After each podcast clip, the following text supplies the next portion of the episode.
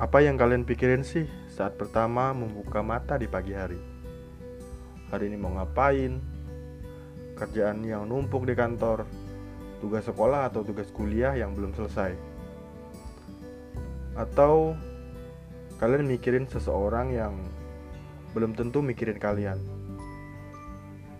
Atau jangan-jangan kalian mikirin mantan yang sekarang udah bahagia bersama orang lain? Apa pun yang kalian pikirin, yang pasti jangan lupa berdoa ya.